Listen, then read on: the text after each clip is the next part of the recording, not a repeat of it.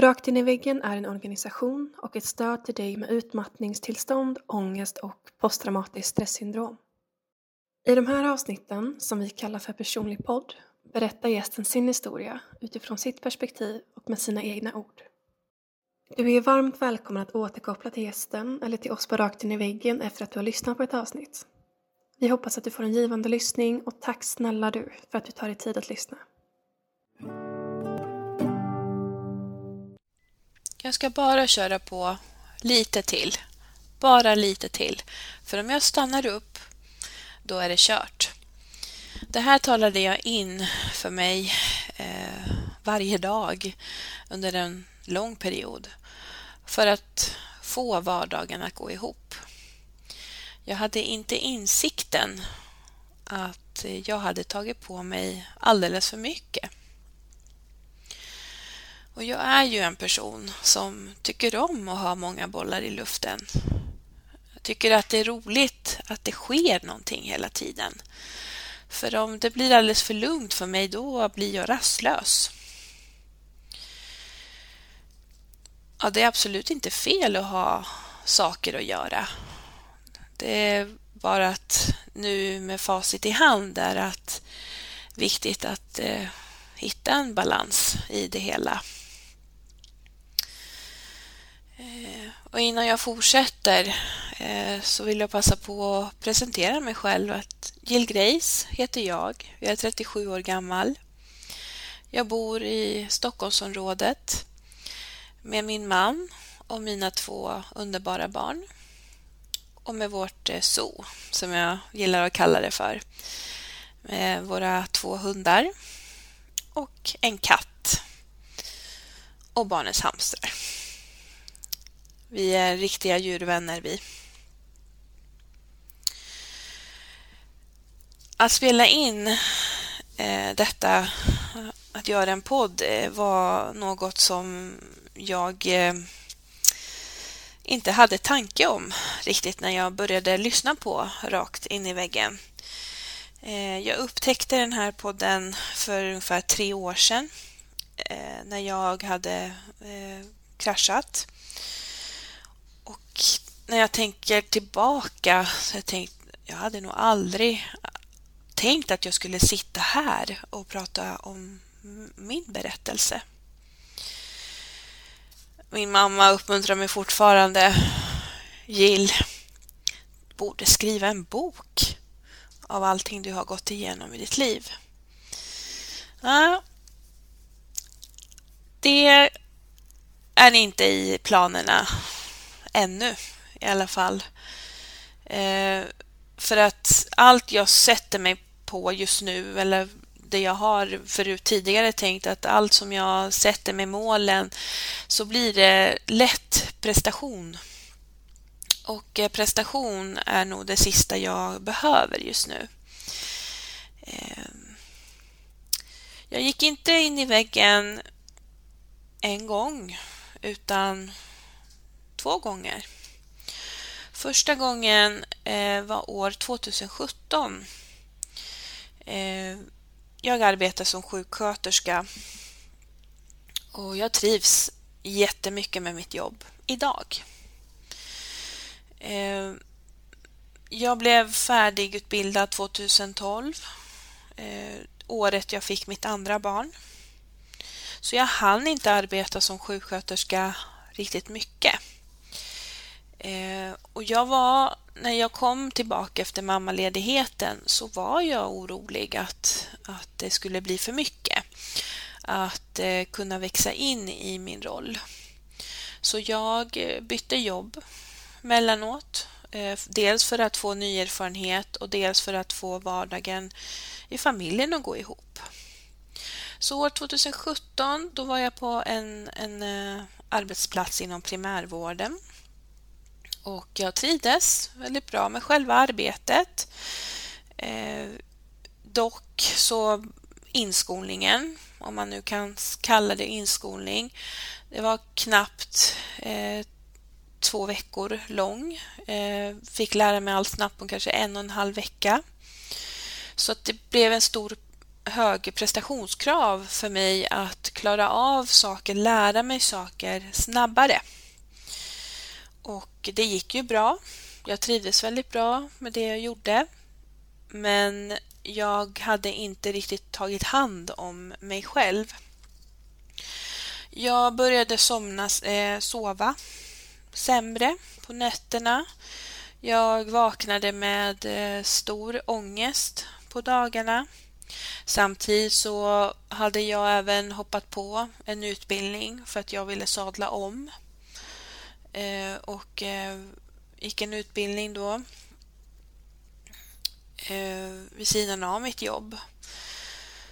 Samtidigt att jag också blev Zumba-instruktör mitt i allt. Så att det var, jag hade väldigt mycket, mycket planer, eh, många projekt.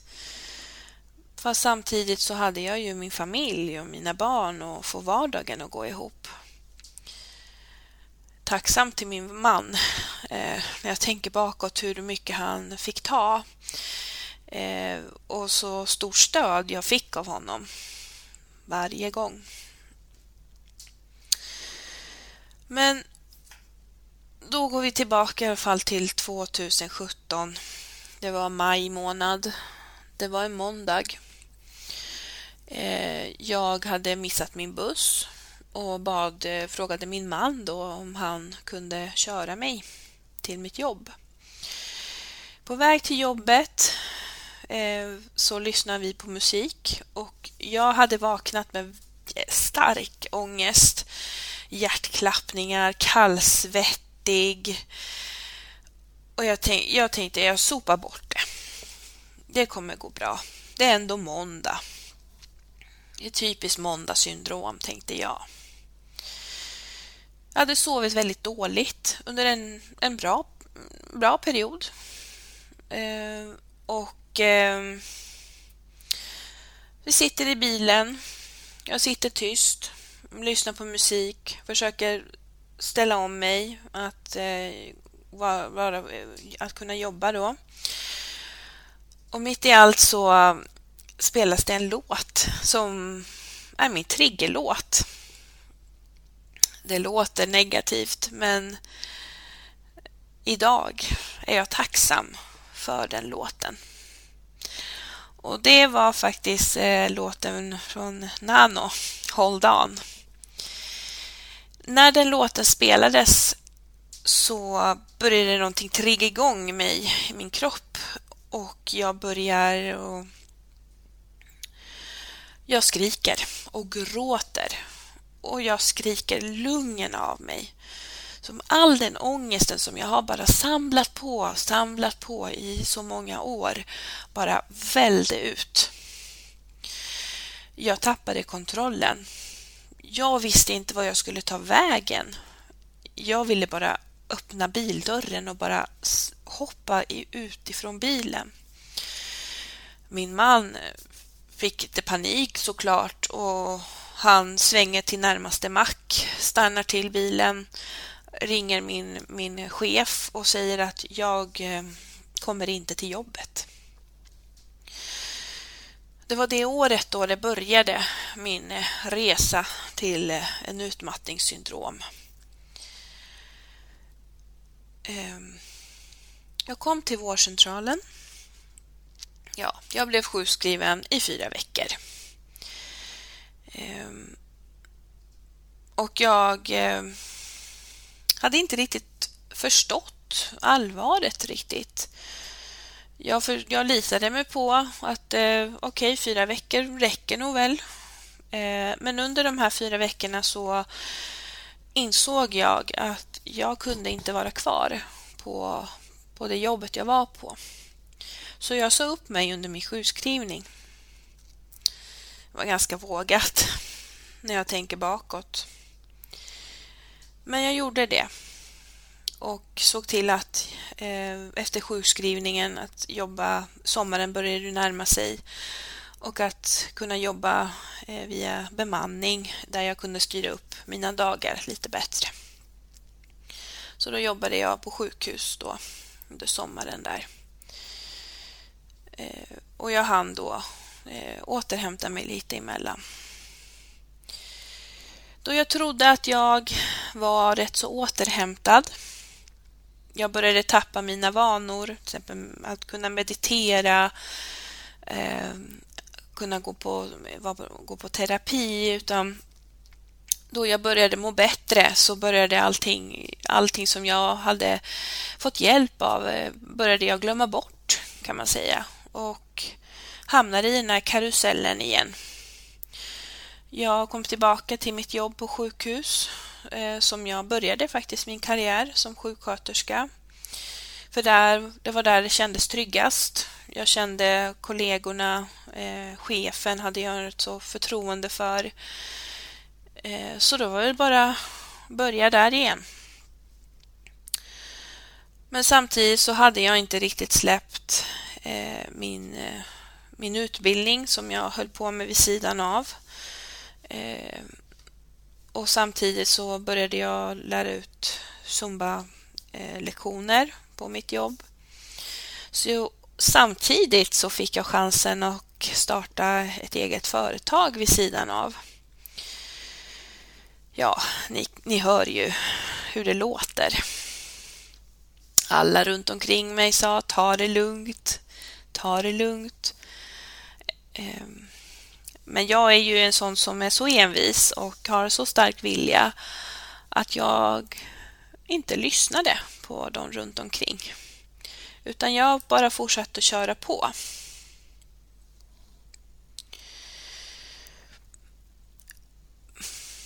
Sen kom ju år 2019.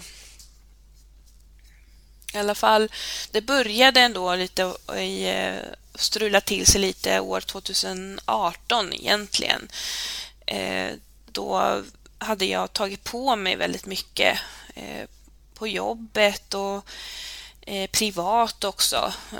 Med lite, det projekt som jag ville göra och så kände jag att nu när jag tänker efter att jag hamnade i kläm.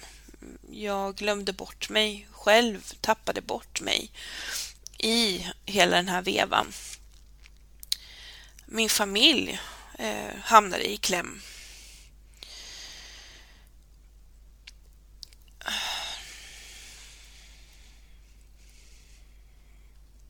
Ja, jag blir såklart lite emotionell fortfarande. Men eh, det är nyttigt att prata om det här. Ehm. Det blev ehm, lite tokigt i privatlivet. Eh, vi sattes inför en stor prövning eh, som familj. Ehm. Jag kan uppfattas, eh, det kan mina kollegor hålla med om och, och det som känner mig, att jag har varit en öppen bok eh, gällande stress och eh, min resa i, i min utmattningssyndrom. Men jag är väldigt privat, eh, har varit det när det gäller min familj. Eh, jag är väldigt överbeskyddande över min familj, över mina barn och min man. Att min familj ska ingen röra. Ehm, men tyvärr så eh, blev det en stor prövning som jag hade sagt såklart och vår familjs eh, liv, vardag eh, sattes helt upp och ner. Ehm, och det var tufft att se. Och samtidigt så blev allt det här, mitt familjeliv, så öppen. Ehm, jag försökte dölja det som hade hänt eller de känslor jag hade på mitt jobb. Ehm, försökte glömma av eh, privatlivet då, att lämna privatlivet och kunna fokusera på jobbet. Eh, det gick ju eh, ett tag i alla fall. Tills jag fick eh, ett samtal från min man då. Att eh, vi var tvungna att gå på ett möte. Eh, gällande barnen och eh, det här samtalet fick jag på mitt jobb då. Och hela min värld eller mur bara raserade totalt. Och jag var tvungen att berätta för jobbet, för jag fick lämna jobbet mitt i. Och jag måste gå nu. Jag måste gå på ett akutmöte med min man gällande våra barn. Och där började ju resan. Det var hösten 2018. Och jag tänkte, äh, men det blir bättre, det blir bättre. Jag började ta kontakt igen med, med terapin. Eh, pratade med en kurator om det här för att jag var rädd med tanke på min bakgrund att krascha igen. Sömnen började fallera igen, började brista. Och då visste jag, åh nej. För det märker jag, när jag inte sover ordentligt, då är det, då är det varningsklocka.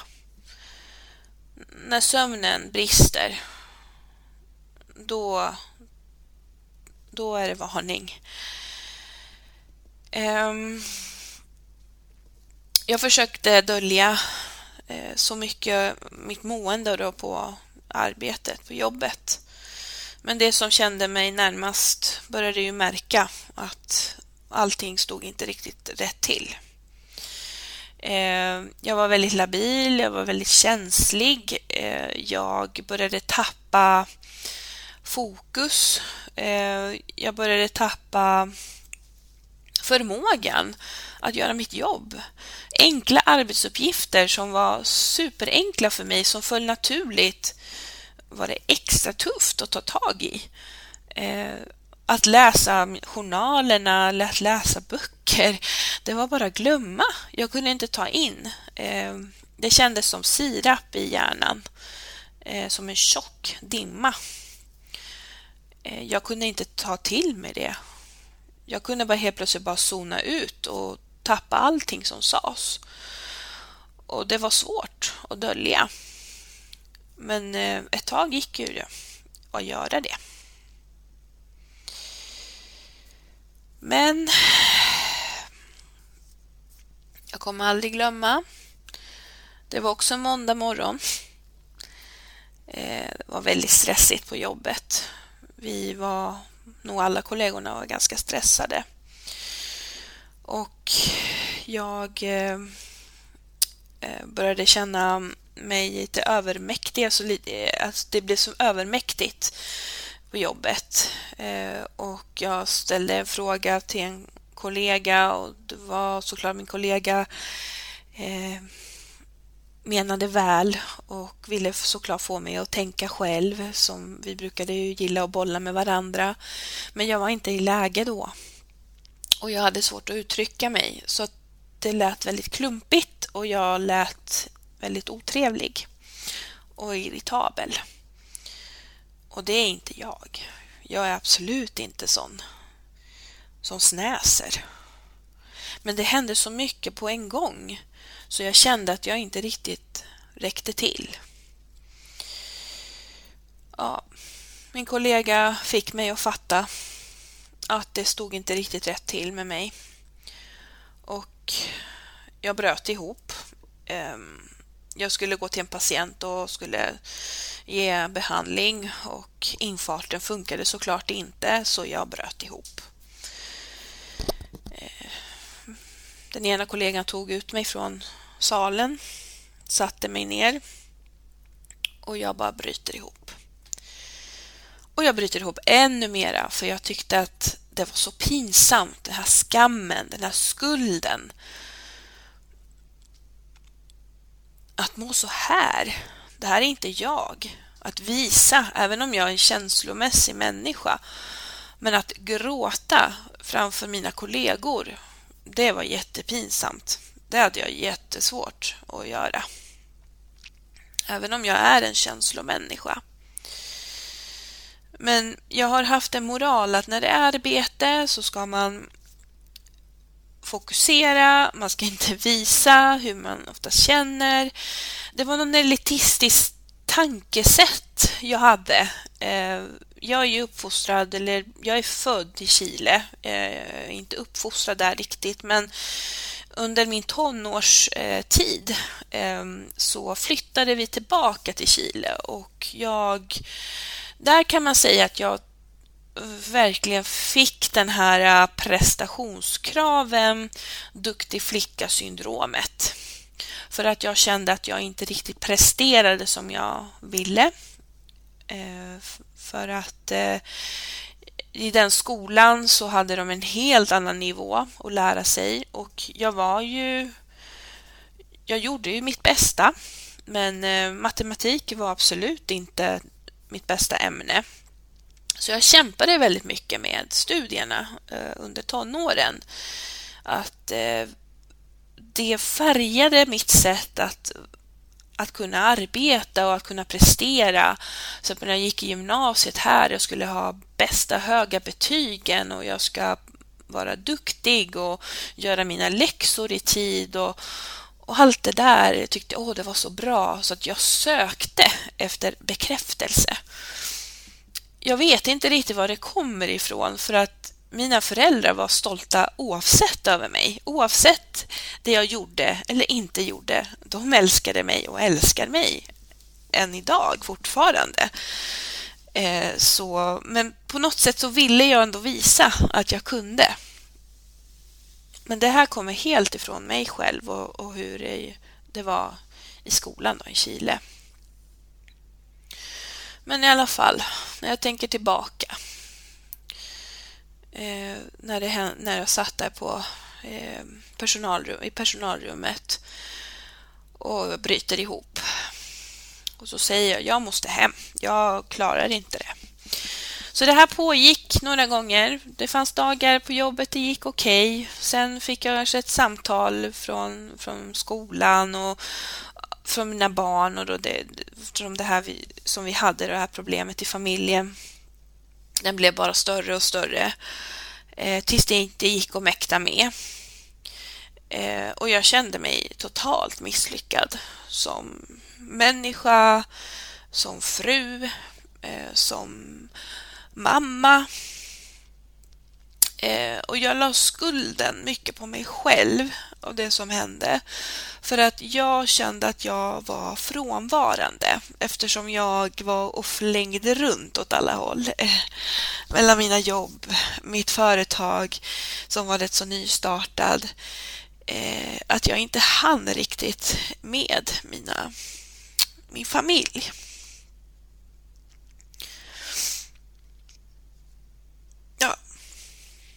Men så kom det här eh, året då, 2019. Eh, och det är ganska blurrigt när jag insåg att det inte går längre. Eh, men det var nog en måndag också. Det är någonting med måndagar här. Eh, jag hade sovit väldigt dåligt och det var väl i januari, februari ungefär. Jag var i alla, i alla fall efter jul. Eh, så ringer jag och då svarar just den här fina kollegan då som fick mig att inse att allting inte stod rätt till. Eh, det var hon som svarade på telefonen och jag skulle jobba precis där på förmiddagen. Och så ringer jag och bryter ihop gråtandes och säger att jag har sovit dåligt. Jag kommer inte till jobbet. Eh, jag kan inte längre. Det här går inte längre. Att själv inse det var en slag i magen först. Att att verkligen erkänna att nu går det inte längre. Det var inte enkelt när jag tänker på det. Där började min resa igen, tillbaka till väggen. Eller jag hade aldrig riktigt lämnat väggen då. Det var att jag hade inte riktigt bearbetat det. Så jag ringer min arbetsgivare och säger att jag behöver vara sjukskriven en lång tid. Jag eh, klarar inte det här längre. Jag måste värna om mig själv och min familj. Jag fick bra stöd. Det kände jag. Men då var det tillbaka till vårdcentralen och jag hade sån ångest för att jag hade tappat riktigt förtroendet för just primärvården. Ehm, och jag visste att jag skulle säkert träffa den här doktorn igen, samma doktor som sjukskrev mig 2017 och sitta där och förklara sig, den här ångesten som jag hade. Rätt så, så var det samma läkare. Jag berättar hela den här händelsen, vad som hade hänt. Och återigen blir sjukskriven fyra veckor. Eftersom det är inte bra att vara borta länge, för ju längre man är borta, desto svårare är det att komma tillbaka. Jag kände att det var inte korrekt riktigt för mig och överhuvudtaget när man tänker på det och alla historier man har hört nu och, och det man känner till om utmattning idag är att en kort sjukskrivning för just utmattningssyndrom är inte riktigt lösningen. Men jag tog sjukskrivningen. Eh, jag började må sämre. Jag var så uppvarvad. Eh, rastlös. Jag kunde inte sova. Och när jag väl sov så var jag sällan utvilad. Jag älskar ju att laga mat eller baka. Alla som känner mig, eh, min närmsta familj, vet hur eh, mycket jag älskade att laga mat. Och jag kunde verkligen ha flera kastruller framför mig på samma gång. Men jag kunde inte ens sköta en kastrull. Jag var så överväldigad, jag bröt ihop. Och jag tänkte då, hur? Om jag inte klarar av att laga mat, hur ska jag kunna klara av mitt jobb? Samtidigt också att sitta med familjen. Det gick inte. Jag kunde inte sitta och äta mat tillsammans med dem för att det blev för högljutt. Jag kunde inte klara av ljuden. Jag fick varje lilla intryck var alldeles för mycket att ta in. Jag isolerade mig. För jag orkade inte.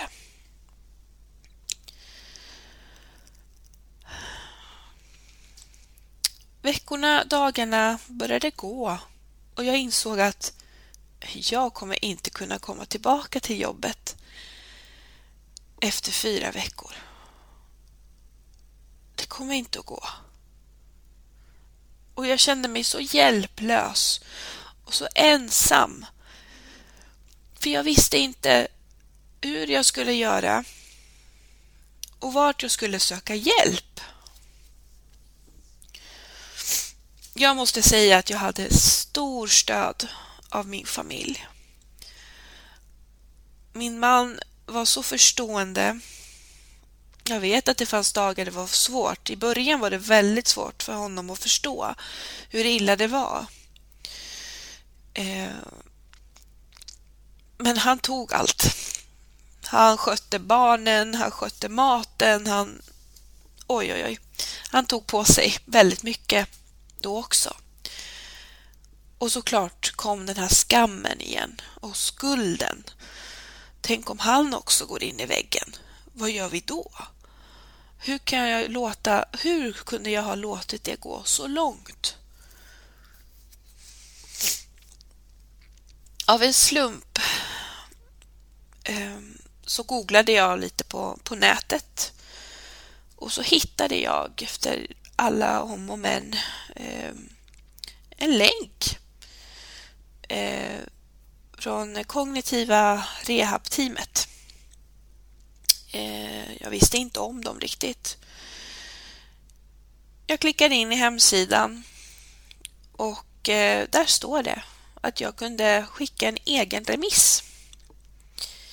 Och jag tänkte, för jag kände att om jag tar det här till vårdcentralen, jag vet inte om jag skulle riktigt få det här stödet.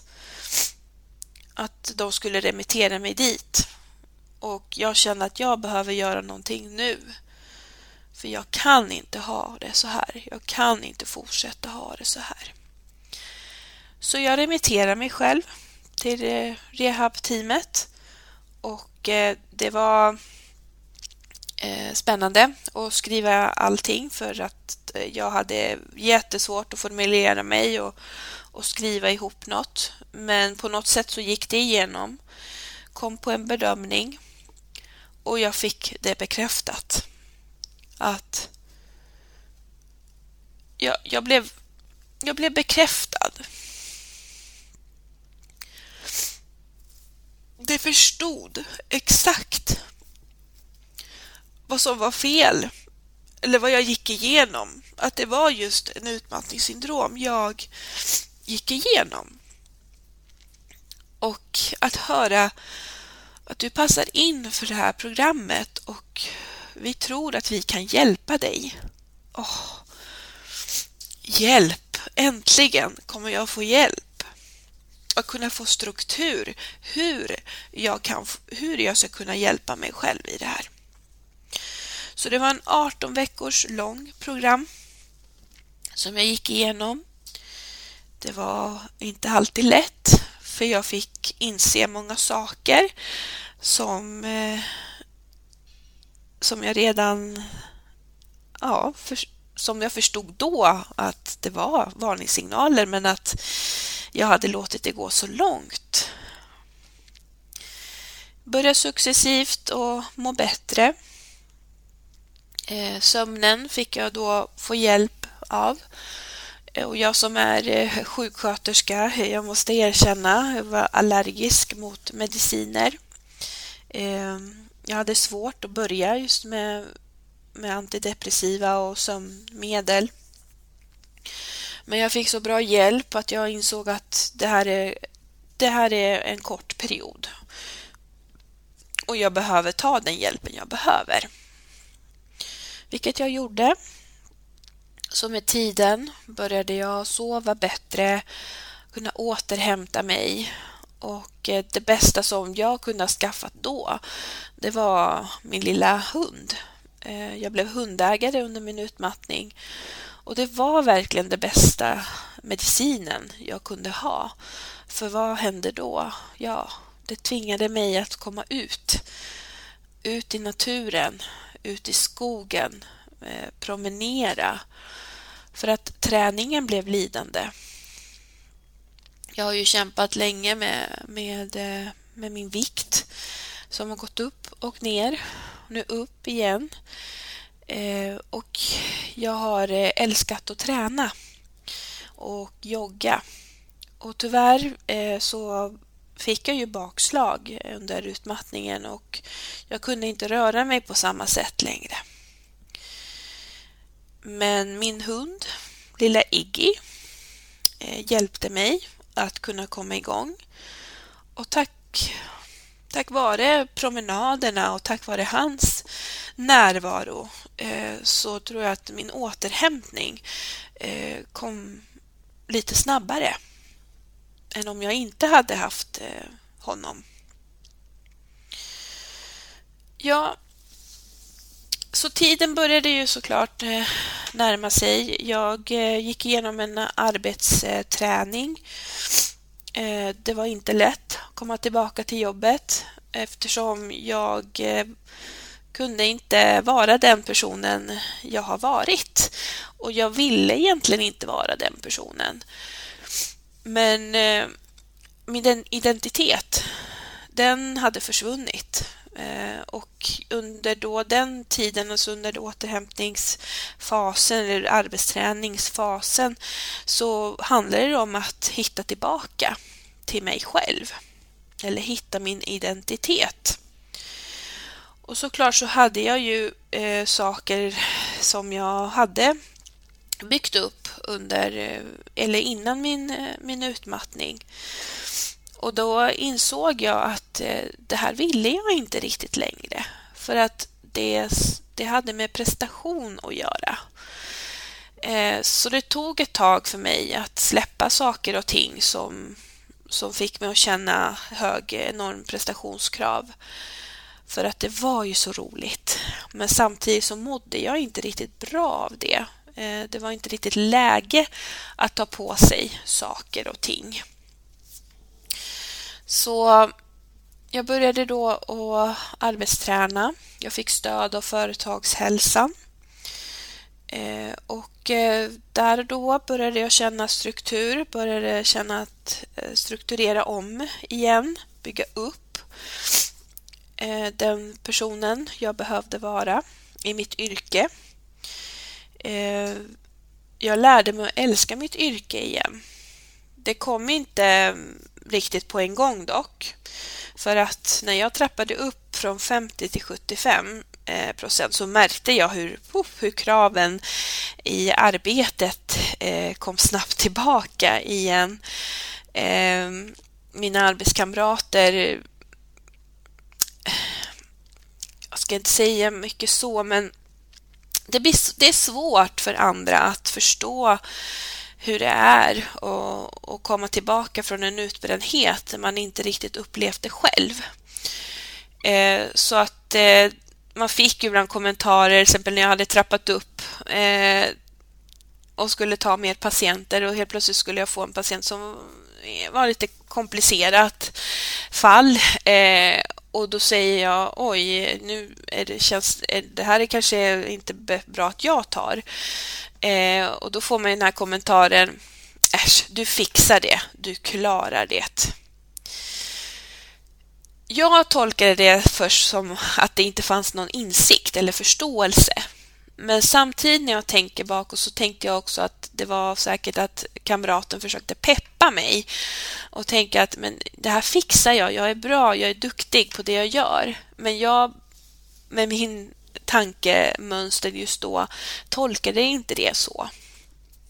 För jag såg det som ett krav, direkt prestera. Oj, tänk om de synar min bluff nu. Att jag verkligen inte kan ta tag i saker och ting på mitt jobb. Att jag kanske inte är redo att komma upp i tjänst. Nej, det var inte enkelt.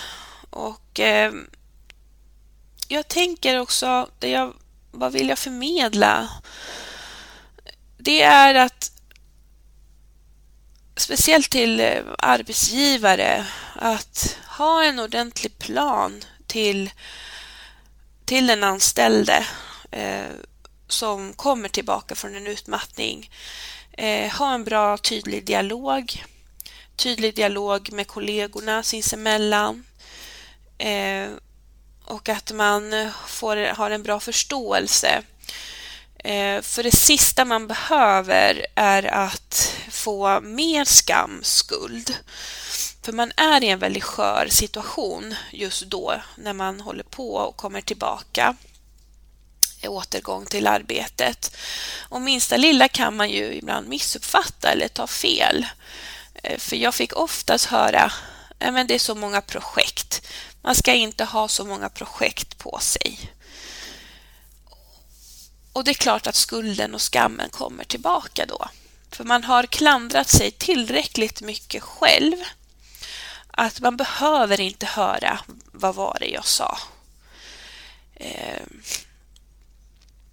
om du bara hade tagit det lugnt eller trappat ner. För man vet redan. Men man var så inne i den bubblan, i den vevan, så var det svårt att styra om och styra sin vardag när man redan hade fullt upp. Ja, tre år har gått Och vad ska jag säga då? Jag har lärt mig enormt mycket och jag lär mig fortfarande. Jag kämpar fortfarande med min stressnivå, min energinivå speciellt. Eh, jag kan inte vara utan en aktivitetsbalans. Jag behöver planera, strukturera, vilket är oftast inte enkelt för att det ligger inte i min natur. Ehm, jag märker ju att jag har inte samma energinivå längre på samma sätt. Jag måste ladda batterierna på ett helt annat sätt. Jag har ingen energidepå som man annars har när man inte har gått igenom en utmattningssyndrom. Jag märker att jag blir snabbare trött när det har varit eh, mycket intryck eller många intryck. Eh, så vad gör jag då? Eh, istället för att till exempel ta bussen hem så försöker jag ta en promenad ensam, lyssna på någon musik eller någon podd till exempel. Eller bara vara. För ibland så kunde det trigga igång också när man lyssnade. Förut kunde jag inte lyssna på musik på samma sätt för att det, det triggade igång för mycket. Eh, det blev för mycket intryck. Eh, ja, varningssignaler jobbar jag mycket med nu. Det har jag fått mycket hjälp av när jag har gått på terapi. Eh, och det har jag lärt mig då att skriva ner lära känna mina varningssignaler när de kommer och då vara extra snäll mot mig själv. För vad har jag lärt mig under den här tiden? Det är att min relation till mig själv som jag har idag är så mycket mer förstående än vad jag var innan. Jag försöker inte vara lika hård mot mig själv utan vara verkligen mer snäll mot mig själv. Att eh, se till att hitta en återhämtning och att inte det ska behöva vara ett jättestort projekt utan att det räcker att mikropausa i vardagen. Eh, meditationen kan jag absolut inte vara utan. Eh, med yoga är det någonting som jag har tillämpat och tillämpar än idag. Eh, och nu sagt och säkert så börjar jag komma igång med min träning igen. Men eh, det är fortfarande eh, fortfarande lite svårt. Jag får ju bakslag fortfarande. Men då försöker jag bara att lära mig att anpassa då min träning. Och att bara eh, mer förstående. För i, mer tillåtande, det var ordet. Försökte hitta det ordet här. Mer tillåtande. Att det är okej okay att inte vara okej okay varje gång. Att eh, good enough är verkligen good enough. Att det räcker med det att jag duger precis som jag är. Pandemin gjorde ju inte det lättare. Eh, den slog ju till precis när jag höll på att återhämta mig i min utmattning. Eh, så jag hamnade ju i en, en, eh, krisreaktion. Jag var ju rädd att jag hade fått bakslag, för det är fortfarande en av mina rädslor att jag ska eh, hamna tillbaka i, i en utmattning. Men jag fick väldigt mycket hjälp eh, av min terapeut som jag fortfarande har kontakt med och eh, hjälper mig att verkligen bolla eh, mina tankar och känslor. Och eh, det var ju en krisreaktion som jag då gick igenom. Och jag har lärt mig det också. Eh, men pandemin, även, även om det var tufft, eh, speciellt inom vården, det var väldigt eh, överbelastat, så hjälpte det mig att vara mer tillåtande också, att kunna vila mer, att eh, kunna isolera mig eftersom man blev tvungen att isolera sig, att inte träffa andra på samma sätt utan bara hålla sig med varandra med, i familjen. Och på ett sätt så var det väldigt eh, skönt för oss som familj, även om det var jobbigt att inte kunna träffa sina nära och kära, så hjälpte det för min familj att eh, kunna komma ner i varv. Och det fick, har vi fått med oss idag. Att eh, verkligen ta en sak i taget och att till exempel om vi åker bort eller åker på semester, att vi verkligen ser till att det finns återhämtning i vår vardag. Vilket inte fanns förut. Det var bara race, vi bara körde racet. Och nu gör inte vi det längre på samma sätt. Jag tror nu att jag har eh, fått förmedlat det jag ville förmedla. Och jag hoppas att det inte har låtit allt för luddigt. Att eh, ni har kunnat kunna få ta till sig det här. Eh, för det hjälpte mig när jag eh, var i, eh, i en utmattning att lyssna just på rakt in i väggen eh, var verkligen min medicin i vardagen för att få perspektiv och att känna att jag var inte ensam. Att det här är viktigt att eh, upplysa om för att psykisk ohälsa finns. Eh, och att det känns inte lika tabubelagt längre. Eh, att man inte ska behöva känna skam och skuld på samma sätt längre. Och att det är lätt att hamna i skam och skuld. Man är inte ensam om det. Så jag är tacksam för det här forumet som finns för att eh, ge mer upplysning kring hur det är att eh, gå igenom en utmattningssyndrom och att man kan ta sig igenom. Alla går igenom det på olika sätt. Alla reagerar olika. Men stress finns för alla och stress kan bli negativt för alla. Det finns inte, nej det här händer aldrig mig, nej men det här kommer inte hända mig. Alla riskerar att gå igenom en utmattningssyndrom. Eh, och man är inte ensam.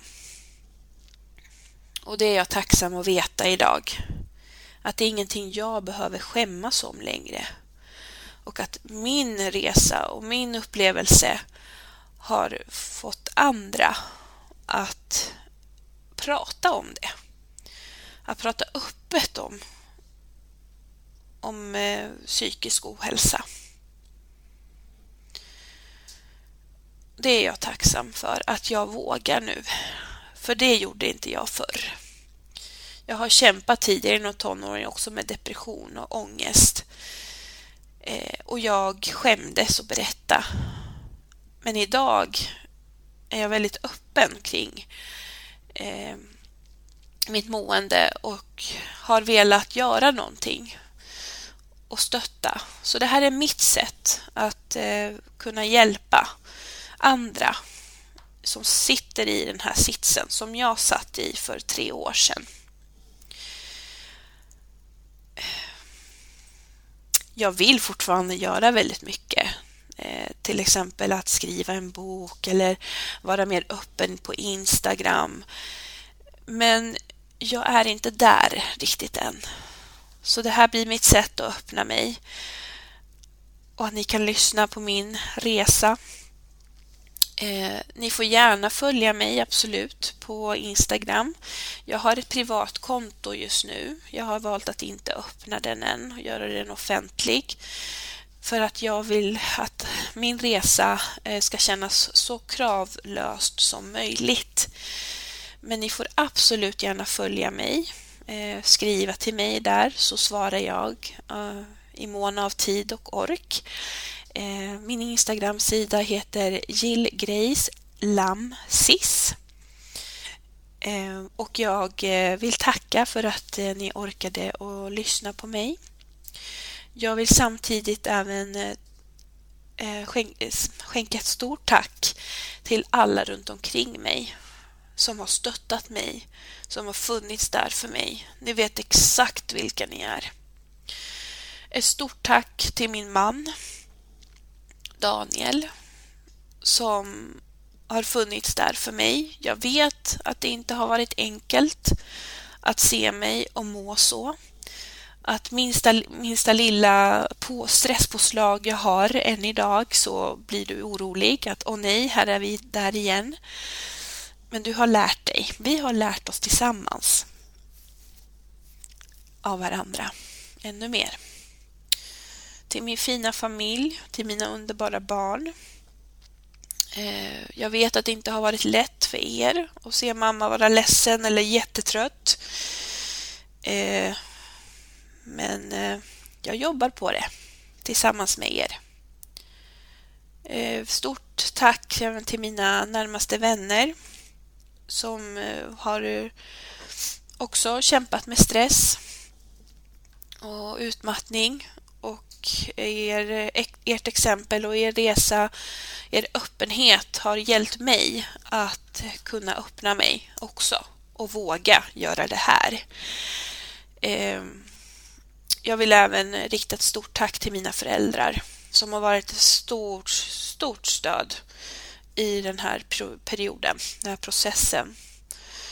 Även till mina syskon, mina älskade underbara syskon ni har varit guld värda under min resa. Jag älskar er så mycket. Ni anar inte. Stora syster är stolt över er. Och ni som brukar säga tycka att stora syster älskar stå i centrum. Ja, det här ska bli ett intressant sätt eh, att öppna. Att vara öppen kring det här. Så, jag har nog fått ut allt jag har velat säga idag och tack så mycket för Rakt in i väggen för den här möjligheten. Tack! Vill du också medverka i Rakt in i väggens podcast? Besök i så fall vår hemsida för mer information på www.raktiniveggen.se medverkan. Om du vill tipsa oss om en poddgäst eller om du har en fråga eller synpunkt på det vi gör så kan du alltid mejla oss på info raktinivaggen.se för att få svar. Vi på Rakt in i väggen vill fortsätta växa och vi behöver din hjälp. Skulle du vilja bli en del av vårt team och bland annat ansvara över vår podcast? Då får du jättegärna höra av dig till oss. Antingen via vår mejl info raktinivaggen.se via våra sociala medier eller via vår hemsida raktiniveggen.se